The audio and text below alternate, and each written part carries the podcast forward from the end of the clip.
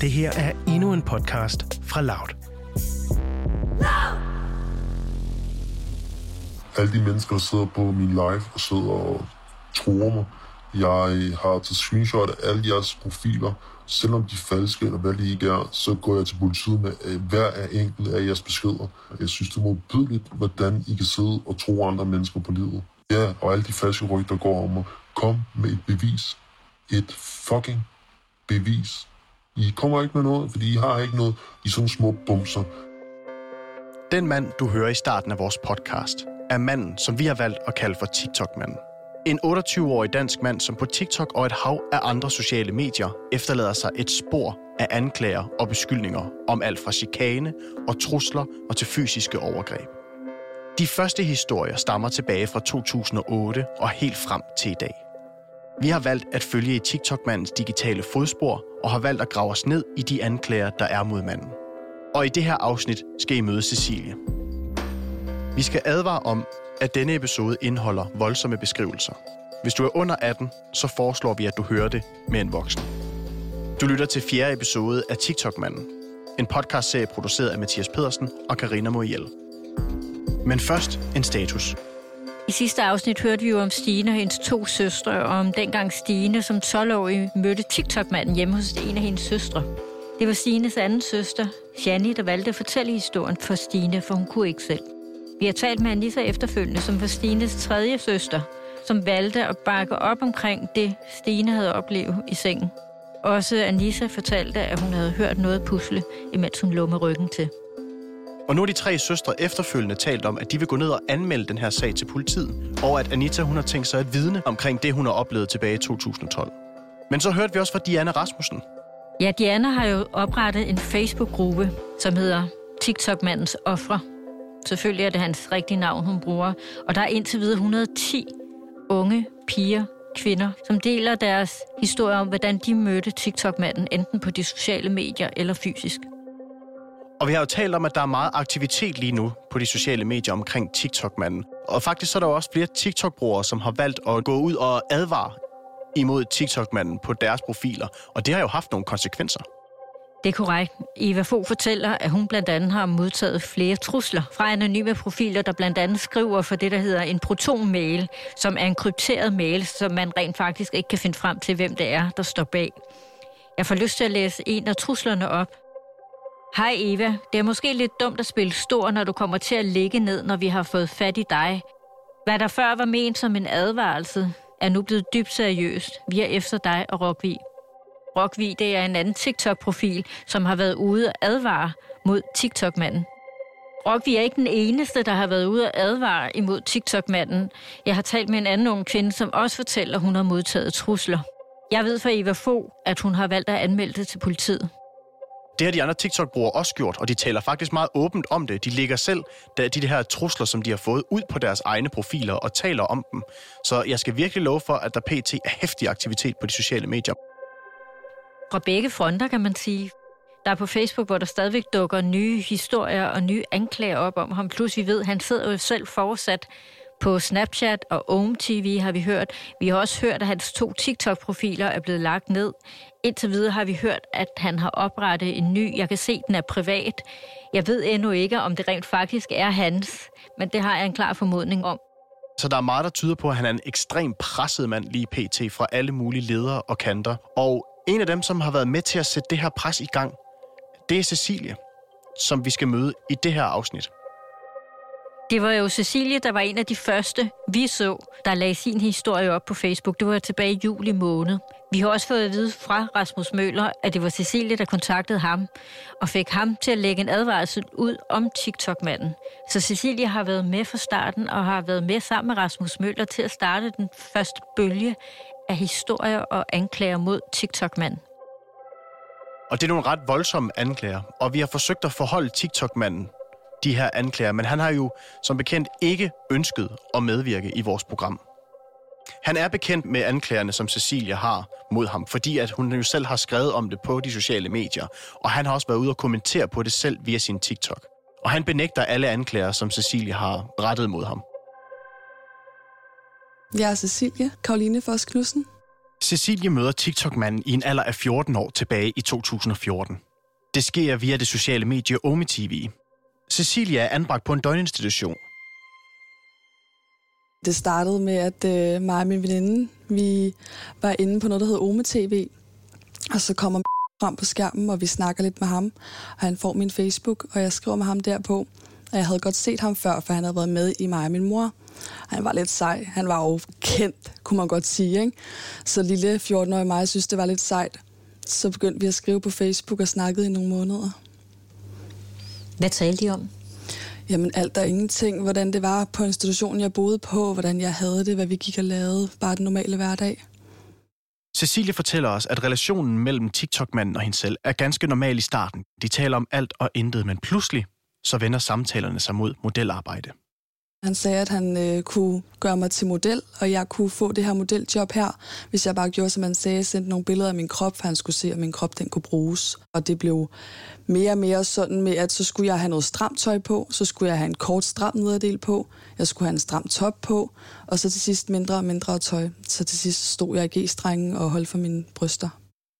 Han skriver til mig, om ikke at vi kan mødes, og jeg overvejer det lidt og siger ja til sidst. Og så bliver jeg kørt ud til ham en af mine pædagoger et eller andet sted på Amager. Og så øh, står vi i en eller anden indkørsel, og, øh, og han står ved et træ, og jeg kan ikke rigtig sådan finde ud af, er det ham, der står deromme? Og, og så kommer han frem, og han siger hej, og min pædagog sikrer sig, alt er i orden. Og vi krammer selvfølgelig hej og sådan noget, og det er jo som om, jeg har kendt ham i lang tid, kendt ham med hele mit liv nærmest. Og så, øh, da pædagogen kører, så siger han, det kan jeg jo alligevel, vi skal lige lidt videre. Og så går vi, og går vi, og går vi, og så kommer vi hen til et helt andet sted. Cecilie fortæller, at der her i historien optræder en anden mand sammen med TikTok-manden. Hun har vist os et billede af de to, som hun selv tog i lejligheden tilbage i 2014. Men da vi ikke med 100% sikkerhed har kunnet identificere den anden person, der er sammen med TikTok-manden i den her lejlighed, der har vi valgt at gøre ham helt anonym i det her afsnit. Vi sad og snakkede, og hans, øh, en han kaldte kom, og så sad vi der og snakkede. Det var rigtig fint den første halve time, og rigtig hyggeligt, men han tager min telefon, og tager et billede af ham selv, hvor det er, at jeg står og siger, giv mig nu min telefon, fordi det er ubehageligt. Men han tager det her billede af ham selv, og jeg bliver med at sige, at jeg vil have den telefon, men han lægger den så på bordet i stedet for, og det gik jeg med til, fordi så er den der, jeg kan se den. Og så satte vi os ned, og vi sad og snakkede og snakkede, og så blev det rigtig ubehageligt. Han spurgte ind til mine seksuelle oplevelser, mine lyster, hvad jeg havde prøvet. Og, øh, og så sad jeg der, fordi jeg havde en kjole på med ret meget nedskæring. Ikke? sad og rev den op og rev den ned, og benene over kors, og ja, Jamen, det er jo så der, at der kommer et sort hul i det hele. Jeg kan ikke huske, hvordan det så skete derfra, men jeg bliver hængt for gelænderet op ved hemsen med ræb ned. Det er der, den første voldtægt sker. Det hvor jeg er bundet og hængt og får gelænderet af. Og da han er færdig med det, du ved, det hele det går jo i sort. Jeg er ikke, der er ikke så meget derfra, jeg kan huske lukke automatisk af, men da han var færdig, der kommer jeg op og bliver bundet fast i sengen med håndjern og ræb over i venstre side af sengen. Så lader han mig ligge lidt der, og, og jeg går i panik, fordi så opdager man, hvad det er, der egentlig er sket. At det var jo slet ikke det, jeg havde forventet. Jeg forventede, at jeg skulle ind til en, en ven, for det var det, jeg troede, han var. Øh, og så tager det jo bare den der kæmpe drejning, og man går i total panik, fordi hvad skal man gøre? Min telefon, den har jeg ikke. Jeg komme i nærheden af den, og man er bare blevet hængt der, ikke? så ligger man i sengen. Hvad skal man gøre? Altså, man kan ingenting gøre. Alle, alle de der paniktanker, de kører bare rundt i hovedet. Jeg tænker, hvad skal der ske nu? Jeg bedte flere gange om at stoppe, og jeg råbte hjælp, og jeg græd, og jeg græd, og jeg græd. Han, hvis, hvis ikke jeg gjorde, som han sagde, hvis ikke jeg var i de stillinger, han ville have, eller at jeg blev ved med at, at sige, at han skulle stoppe, så, altså, så slog han, og det var hårdt. Det var ikke bare lille lussing. Altså, det var jo flere gange hårdt og på brystet, og ja. Hvad med hans der er der? Mener ikke, han var med første gang. Han blev ved med at sige, at han skulle være med og kom nu, men man kunne godt se på ham, han synes, det var ubehageligt. Altså, som om han ikke havde lyst, men pressede ham. Kom nu, kom nu, blev han ved. Men han var sådan, ah, han havde ikke rigtig lyst. Første gang var han ikke med, men anden gang, der var han. Og da jeg så skulle sove der, eller jeg skulle ikke sove der, der om aftenen, men det ville han jo have. Jeg skulle blive der i længere tid. Så vi har jo snakket mange gange før. Jeg har jo fortalt ham her alt, altså med mine yndlingspædagoger. Og jeg ringer op til min, øh, en af mine yndlingspædagoger, og han siger, hvad jeg skal sige til ham. Han siger alt, hvad jeg skal sige. Og han forklarer mig også, inden vi ringede. Jeg skal huske på, at jeg er ikke, jeg er ikke det sted, jeg er blevet sat af. Jeg er et helt andet sted. Så uanset hvad jeg sagde, så vil jeg ikke, altså, så vil de ikke kunne gøre noget. Men så får jeg at vide, hvad jeg skal sige, og, og jeg, jeg siger bare, hvad siger, at jeg har det godt her, og jeg hygger mig. Om ikke godt, jeg måtte være her en dag til. Og det sagde han ja til, desværre. Ifølge Cecilie, så bliver hun i den her lejlighed i i alt tre dage sammen med de to mænd. Og her bliver hun udsat for yderligere overgreb i løbet af alle tre dage. Jeg kan huske, at øh, han kom med noget vand en gang imellem, men mad fik jeg ikke. Øh, han kom på et tidspunkt med en yoghurt op til mig, hvor han bandt mig lidt op, så jeg kunne sidde op, men stadig bundet med hænderne bag på ryggen og benene også bundet. Og så sad han og, og madede mig med den her yoghurt, øh, og jeg tog bare imod, jeg var sulten. Øh, og jeg begynder at græde, og han nu som var bare bekendt og siger, at det skal nok gå, og der sker mig ikke noget. Og det synes jeg var så mærkeligt, fordi prøv alle de ting, han lige har gjort, hvad er det for noget at sidde og sige? At han ikke vil gøre mig noget, der sker ikke mere, men det gør der jo. Og det gjorde der jo også bagefter. Men ja, det var færdig med at spise den her yoghurt her, så, øh, så tid bare stille. Jeg var bare helt stille, og så gjorde jeg, da jeg fulgte efter ham ud i stuen, løsnede mig op, og vi gik derned, og han tændte for tv'et, vi sad og så tv, som var det helt normalt for ham. Altså, han sad og grinte med og hyggede sig. Øhm, og så spørger jeg ham, vil du ikke godt løsne mig? Og jeg bliver ved med at tække og bede ham, altså, giv nu slip, lad mig nu gå, og vil du godt stoppe? Og der blev han rigtig, rigtig sur, tog mig med op i sengen, og så slog han bare løs på mig igen og igen og igen. Og jeg skreg, og han... Ej, på her. Øjeblik. Det er jo det, der var så mærkeligt, fordi han ændrede sig jo fuldstændig. Altså til, at der var intet sket, sidder bare og ser tv med en ven ikke? Altså sidder bare og griner af tv'et og bare har det fedt. Der er ikke, altså, som om der er intet er sket. Helt normalt for ham. Hvor lang tid sidder I der? Det ved jeg ikke. Altså, det føles jo som 100 år og flere timer, men det har jo slet ikke været sådan. Det gik jo stærkt, fordi der var jo ikke langt fra, han begynder at sidde og grine og hygge sig med det tv. Jeg siger, du ikke, altså, helt ærligt, giv slip. Lad mig være, lad, lad mig gå til, at han blev pisse sur og tog mig med op igen. Hvad når du skulle på toilettet? Ja, det var jo ikke så tit, at jeg fik lov til det, men så gik han med, og så stod han og holdt foden ind sådan ved døren, og hele tiden skulle kigge, hvad jeg lavede. Men det var behageligt. Jeg var jo nøgen lige fra første voldtægt til, altså, til at stakke af derfra. Ikke? Der var jeg jo nøgen hele vejen igennem, og det var så ydmygende, fordi når du er 14 år gammel, der er man jo ikke specielt glad for sin krop. Man kan altid finde fejl, ikke? Så skulle være nøgle, eller nøgen foran ham hele tiden. Og bare ligge helt, altså det var så ydmygende. Så grænseoverskridende. Ikke kunne dække sig til med noget. For du lå over benet eller bundet. Du kunne ikke tage noget over dig overhovedet. Cecilie fortæller os, at på anden dagen, der forsøger hun altså at stikke af fra lejligheden. Det sker på et tidspunkt, da TikTok-manden og den anden person ligger og sover til middag. De ligger og sover middagslur i sengen, og, øh, og der lå jeg over i højre side, og de var over sådan hen til venstre, øh, og jeg ser, at de faldet i søvn. De sov deres middagslur, og jeg får, øh, forbundet mig op på en eller anden mærkelig måde, og jeg tager min telefon, og jeg prøver at finde mit tøj.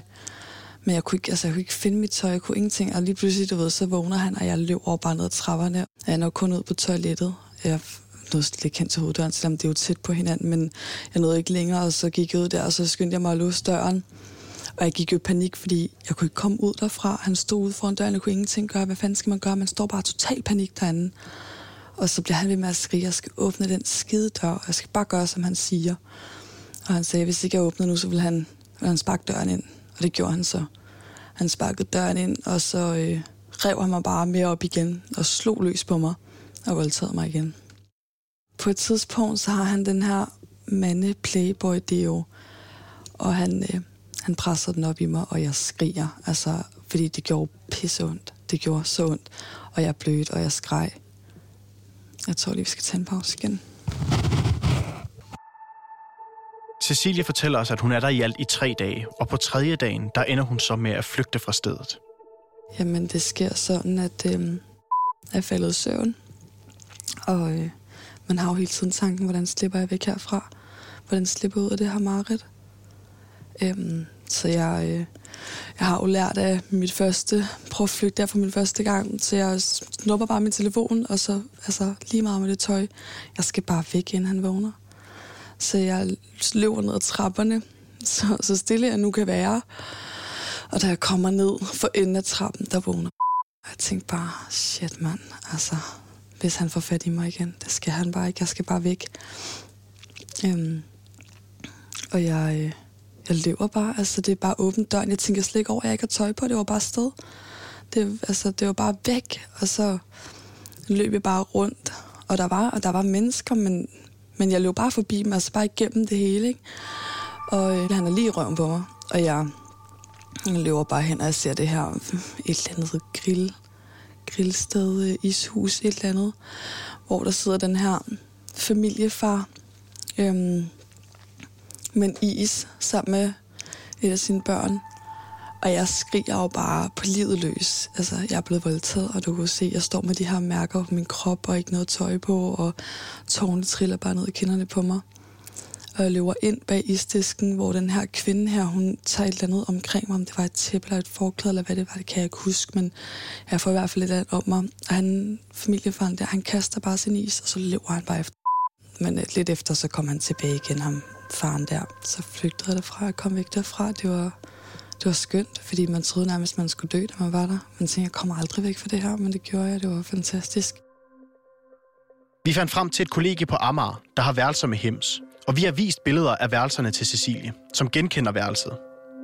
Kollegiet bekræfter i en mail, at de i 2014 havde en lejer med samme navn som TikTok-manden. Fra 2005 til 2017 lå der en butik kun få 100 meter fra kollegiet. Det var ikke muligt at få fat i nogle af de medarbejdere, der dengang befandt sig i isboden, der nu er lukket. Hvordan kom du fra, fra stedet? Jeg mener jo, at det, jeg havde min telefon med, fordi at inden jeg flygtede, der tog jeg jo det her billede her, da de lå og sov. Øhm, så jeg har haft min telefon med. Jeg tror, vi ringede til institutionen for min telefon af. Jeg kan i hvert fald huske, der kom den her bil og hentede mig øh, hvor jeg bare lå på bagsædet og bare græd hele vejen hjem. Så der må have kommet en pædagog og hentet mig ned fra institutionen af. Hvad sker der, da du kommer hjem til institutionen? Jeg går direkte op på mit værelse, det plejer jeg aldrig at gøre. Jeg plejer altid at gå ind til min, min øh, bedste veninde på institutionen og fortælle, hvad jeg har lavet, når jeg har været væk, og altid, du ved, bedste veninder, ikke? Men det gjorde jeg. Jeg gik direkte op på værelset og sad bare og græd og tog min morgenkåb på og sad bare der og var altså, helt knust, helt udlagt og skulle lige fatte, hvad der var sket. Fordi hvad fanden er det, der er sket ikke? på de tre dage? Øhm, hun kommer ind til mig og øh, spørger, hvad der er sket. Hun kigger op på mig, og jeg sidder fuldstændig altså, grædefærdig. Ja, så spurgte hun mig bare, blev med at spørge, hvad, hvad er det, der er sket? Altså, så så hun mærkerne på mit håndled, og hun øh, tog morgenkåben væk og kiggede på min krop og så, at jeg havde alle de mærker. Og så spurgte hun, om han havde voldtaget mig. Og jeg knækker bare sammen, jeg kunne ikke sige noget, og så begyndte bare at hyperventilere. Jeg var helt ude af den. Vi har kontaktet Jasmin Ganto, som var Cecilias bedste veninde på døgninstitutionen tilbage i 2014. Vi spurgte hende om, hvordan hun oplevede situationen, efter Cecilie kom tilbage fra mødet med TikTok-manden. Hun kommer ind ad døren. Øhm, jeg ligger på mit værelse, og jeg kan høre, at hun, og se, at hun går forbi. Men hun går ikke ind til mig. Og, og det virker måske ikke så underligt for andre, men det var ikke normalt. Øhm, vi hang op og ned af hinanden altid. Så hvis der var en af os, der havde været ude, så er det direkte ind til den anden, hvis vi ved, at de er hjemme. Også hvis de ikke var hjemme, hvis man skulle hente et eller andet ind på værelset eller sådan noget. Men hun tonser lige forbi. Og det undrer jeg mig meget over. Øhm, så jeg rejser mig op og går ind til hende, og hun sidder helt iskoldt på sin seng og kigger på mig. Og hun siger ikke rigtig noget. Hun kigger bare på mig. Og jeg kunne bare se, at der var et eller andet fuldstændig galt. Jeg kunne, jeg kunne mærke, at det her, øh, det her, det var ikke bare en forlængelse af hendes ophold. Der var et eller andet fuldstændig galt. Øhm, så jeg går hen til hende, og så bryder hun fuldstændig sammen og fortæller mig, at hun er blevet voldtaget og viser mig hendes håndled. Hun er fuldstændig hævet op på håndledene. Hun er fuldstændig hævet op på brystet, og hendes baller, de er sorte af, af blå mærker. Jeg blev vred, og jeg blev ked af det, og hun blev rigtig, rigtig ødelagt. Hun græd og græd, og hun kunne ikke, hun kunne ikke ordentligt sætte ord på, hvad der var sket. Hun kunne fortælle mig, at han havde gjort så forfærdelige ting ved hende. Hun er meget flov. Øhm, hun vil ikke rigtig snakke om det, og hun vil heller ikke rigtig nævne det for nogen. Og jeg bliver ved med at sige til hende, at det er hun nødt til. Øhm, jeg beder hende om at tage fat i øh, enten en pædagog eller i vores leder på det, på det tidspunkt. Og det ender også med, at vi sidder til møde med lederen. Jeg øh, deltager jo selvfølgelig, fordi jeg de har jo ligesom oplevet det. Øhm, ikke det, hun har været igennem, men oplevet hende, da hun så kommer tilbage, og øh, jeg er jo super bekymret, selvom at jeg jo egentlig ikke engang kan passe på mig selv, havde jeg et eller andet behov for, at hun skulle i hvert fald noget, der minder om, prøve at passe på sig selv i det her. Vi kommer så til møde med hende lederen, og hun for, Sille forklarer, hvad der er sket. Og hun forklarer, øh, at hun er blevet voldtaget og holdt fanget, og, og hun græder. Og hun græder virkelig meget. Altså, der var ikke det i den samtale, der ville få hende til at virke altså utroværdig overhovedet. Det var så tydeligt. Og vi bliver fortalt af lederen, øhm, om det er ordret på den måde. Det kan jeg ikke helt. Altså, men hun siger i hvert fald, at hun har jo selv sendt videoer og billeder. Hun har selv vist sig. Så det er ikke noget, vi kan anmelde. Øhm, det vil være ord mod ord, og hun øh, kan ikke øh, hun kan ikke bevise sin påstand. Når man selv vælger at gøre, som man gør, så er der konsekvenser af en handling. Så der sker ikke mere. Det er Sille, hun, hun sidder øhm, efterfølgende og har en kæmpe skam. Og vi, som ser hende, oplever hende meget indelukket. Altså helt introvert. Og ja, hun havde det sgu ikke godt. Øhm, men det var ligesom også hendes egen skyld jo, hvis man skal sige det, som, som vi blev det fortalt på det tidspunkt. Vi har talt med den daværende leder fra døgninstitutionen, der ikke husker hændelsen, men udtaler også, at den slags naturligvis vil blive anmeldt. Vi har også søgt agtindsigt i hændelser og anmeldelser fra døgninstitutionen til kommunen, og der har ikke været noget i den forbindelse. Cecilie fortæller, at den hændelse, som hun påstår fandt sted i 2014, har påvirket hende den dag i dag.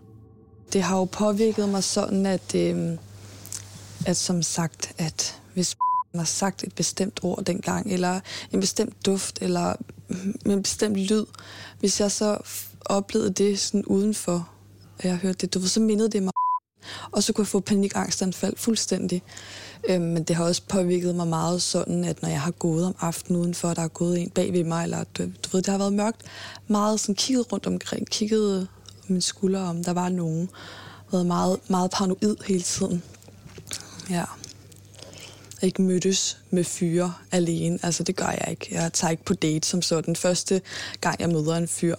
Så har jeg en veninde med for lige at se, se fyren af den, fordi jeg vil ikke ud i noget lignende situation. Led du angstanfald, før du mødte? Ja, men ikke i så høj en grad, synes jeg. Overhovedet ikke. Nu var der jo lige pludselig noget nyt, der kunne trigge det fuldstændig. Altså rigtig voldsomt. Jamen han var jo, altså hvad kan man sige, jeg, jeg snakkede med ham af en grund, fordi når vi først snakkede og kom i gang, altså så var han jo et eller hvad man troede var et dejligt menneske, ikke? om en, man kunne stole på. Han, det var jo det, der var så vildt, fordi han kunne bare være et helt specielt og skønt menneske til at ændre sig og bare være det ondeste nogensinde. Og det der blev i hans øjne, altså det glemmer man aldrig. Tror du, der var en særlig årsag til, at kontaktede dig? Jeg var en sårbar pige. Sådan er det med, hvad kan man sige, alle hans ofre. De er jo også sårbare på en eller anden måde. Har alle sammen haft det jamen, hårdt på en, på en ret grov måde. Ikke? Vi alle sammen har haft det svært, de piger, han vælger. Jeg tror også, det er derfor, han valgte mig. Det var nemt at manipulere. Man havde brug for, øh, for støtte, og det troede man jo, at han gav. Jeg troede, han var lojal. Seks år efter hændelsen laver Cecilie et opslag på Facebook, hvor hun deler sin historie.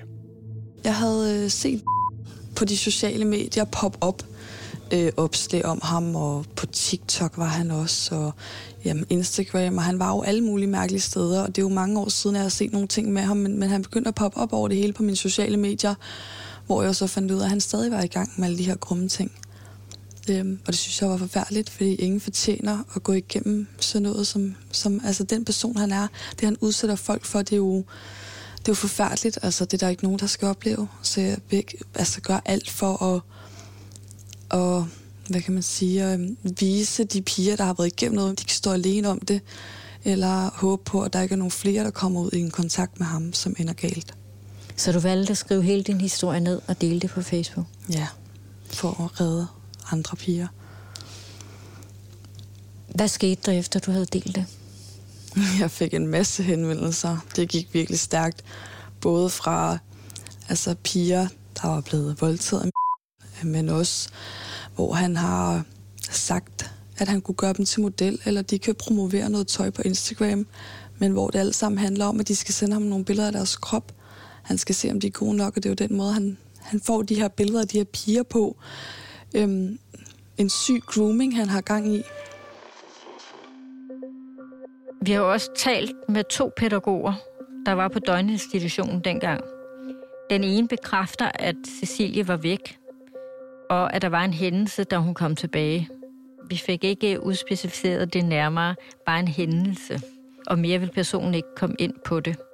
Og så har vi jo talt med en anden pædagog, som var den pædagog, der kørte Cecilie ud til TikTok-manden på Amager. Vedkommende ved ikke, hvordan Cecilie kom tilbage igen til institutionen. Men pædagogen fortæller, at vedkommende mindes, at Cecilie fortalte efterfølgende, at hun var blevet udsat for et overgreb.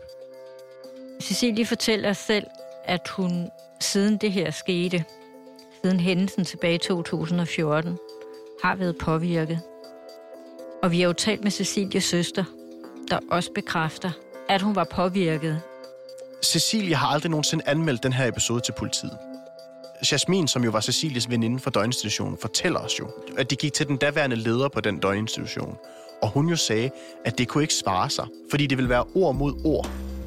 Da Cecilie lægger sit opslag ud i juli måned 2020, så er hun jo med til at starte den første bølge af nye historier og anklager mod TikTok-manden af både børn, piger og unge kvinder. Hun får mange direkte beskeder, ved jeg, og den ene var fra Alena, en ung kvinde, der mødte TikTok-manden tilbage i 2017. Dengang var Alena 18 år. Hun har selv valgt at dele sin historie på Facebook. Det gjorde hun i august måned. Hendes historie skal vi høre i næste afsnit. Det her, jeg bliver banket. Jeg bliver nævet. Øhm, ja, for hver gang jeg strider imod, eller sagde nej, stop, eller det mindste, der tyder på, at jeg ikke vil være med. Jamen, så fik jeg bare en løsning af en anden verden. Vi har været i kontakt med TikTok-manden for at forelægge ham indholdet af den her podcast, men han har indtil videre ikke ønsket at medvirke. Du har lyttet til TikTok-manden, en podcastserie produceret af Mathias Pedersen og Karina Morial på Loud. Musik, lyddesign og mix af Peter Christian Sejersbøl. Har du selv en historie, du synes, vi skal høre, så kan du kontakte os på tiktokmanden radioloud.dk. Har du været udsat for krænkelser på nettet, så anbefaler vi, at du kontakter børnetelefonen på telefon 11 61 11. Har du været udsat for fysiske overgreb, så anbefaler vi, at du kontakter politiet.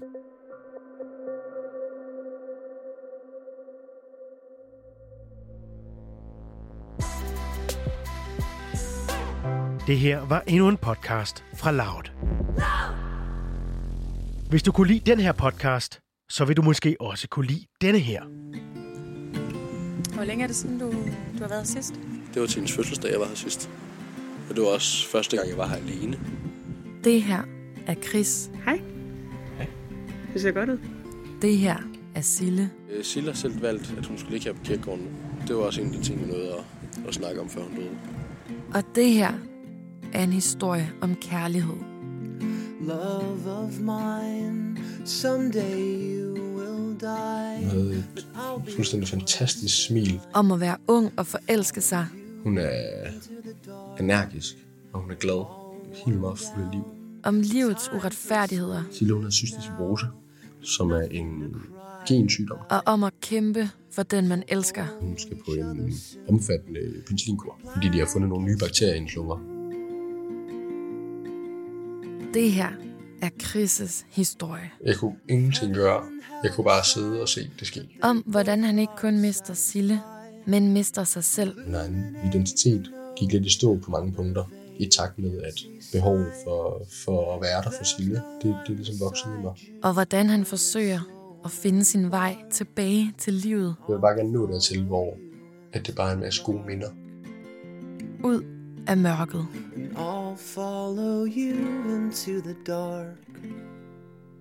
Ud af mørket er blevet til med økonomisk støtte fra Cystisk Fibroseforeningen. Find den på loud.land eller en podcast-app nær dig. Loud!